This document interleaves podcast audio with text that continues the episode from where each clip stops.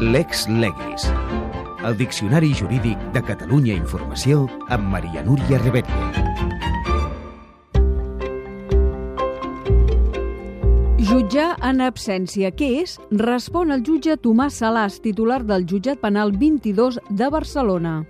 En l'àmbit penal, eh, la regla general eh, requereix la presència mm, imperativa de l'acusat en l'acte de judici oral i del seu advocat defensor, però aquesta regla pot tenir algunes excepcions on es permet celebrar el judici sense que estigui la persona acusada. En principi, sí que té que haver estat citada, ha de saber que té el procediment, que té el judici tal dia, tal hora, tal lloc, i venia, i venia al judici. En quins casos, doncs, es pot jutjar l'acusat sense la seva presència? Si aquesta persona que ha estat citada no compareix i la pena que se li demana és inferior a dos anys, eh, la llei permet que es pugui celebrar aquest judici amb absència. Eh, tampoc es pot celebrar amb absència si la persona no ve per una causa justificada, que en aquest cas cada tribunal ha d'apreciar i pot donar lloc a la suspensió i a un nou senyalament de judici. Quina diferència hi ha amb la rebel·lia?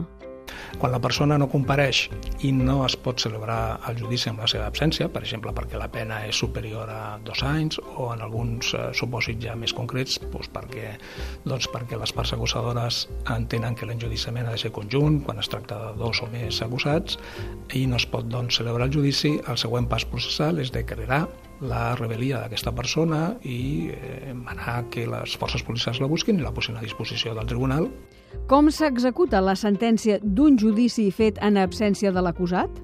Se li notifica al seu advocat defensor i després, un cop que aquesta persona és trobada, se li notifica també a aquesta persona que té el dret a interposar un recurs específic eh, atès a la manera en què ha estat eh, jutjada i abans de que la sentència doncs, esdevingui ferma un cop que aquesta persona està a disposició del tribunal cal resoldre aquest recurs que és veritablement semblant al recurs d'apel·lació. Aquest recurs, doncs, és similar al d'apel·lació, el que es planteja a una instància superior, no? És un recurs a una instància superior que té un, té un nom propi, és el recurs d'anul·lació que se'n diu, eh, però que a la pràctica funciona com un recurs d'apel·lació, sí. Què pot passar amb aquest recurs? Pot ser que directament l'absolguin, depèn del, del tenor de la sentència, pot ser que directament se l'absolgués o que es manés repetir el judici. Sí, les dues possibilitats. El judici i la sentència dictada prescriuen en un judici d'aquestes característiques? Sí, el límit és la prescripció del, del delicte, cal veure exactament de quin delicte se li acusa i veure el termini de prescripció, 5 anys, 10 anys normalment, i aleshores en aquest cas es deixaria sense efecte aquesta rebel·lia, es procediria a l'arxivament de l'arxiu de, de la, del procediment. Se celebren molts judicis en absència? En l'àmbit de la competència dels jutjats penals eh, passa forces vegades. Eh, relativa, eh, és, és relativament freqüent que acusats, per la raó que sigui, no compareguin al judici, malgrat haver estat citats.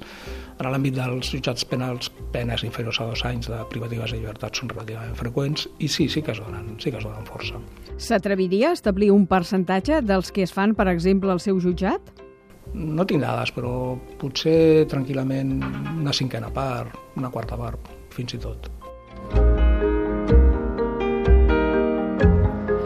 En resum, es pot jutjar en absència de l'acusat si s'enfronta a una petició de pena inferior a dos anys de presó. A una persona que no es presenta un judici i se li demana una condemna més gran, se la posa en recerca i captura. La sentència dictada en un judici on no estava present l'encausat se li comunica i ell hi pot recórrer. Tots aquests casos prescriuen quan prescriu el delicte pel qual s'havia jutjat i condemnat aquesta persona.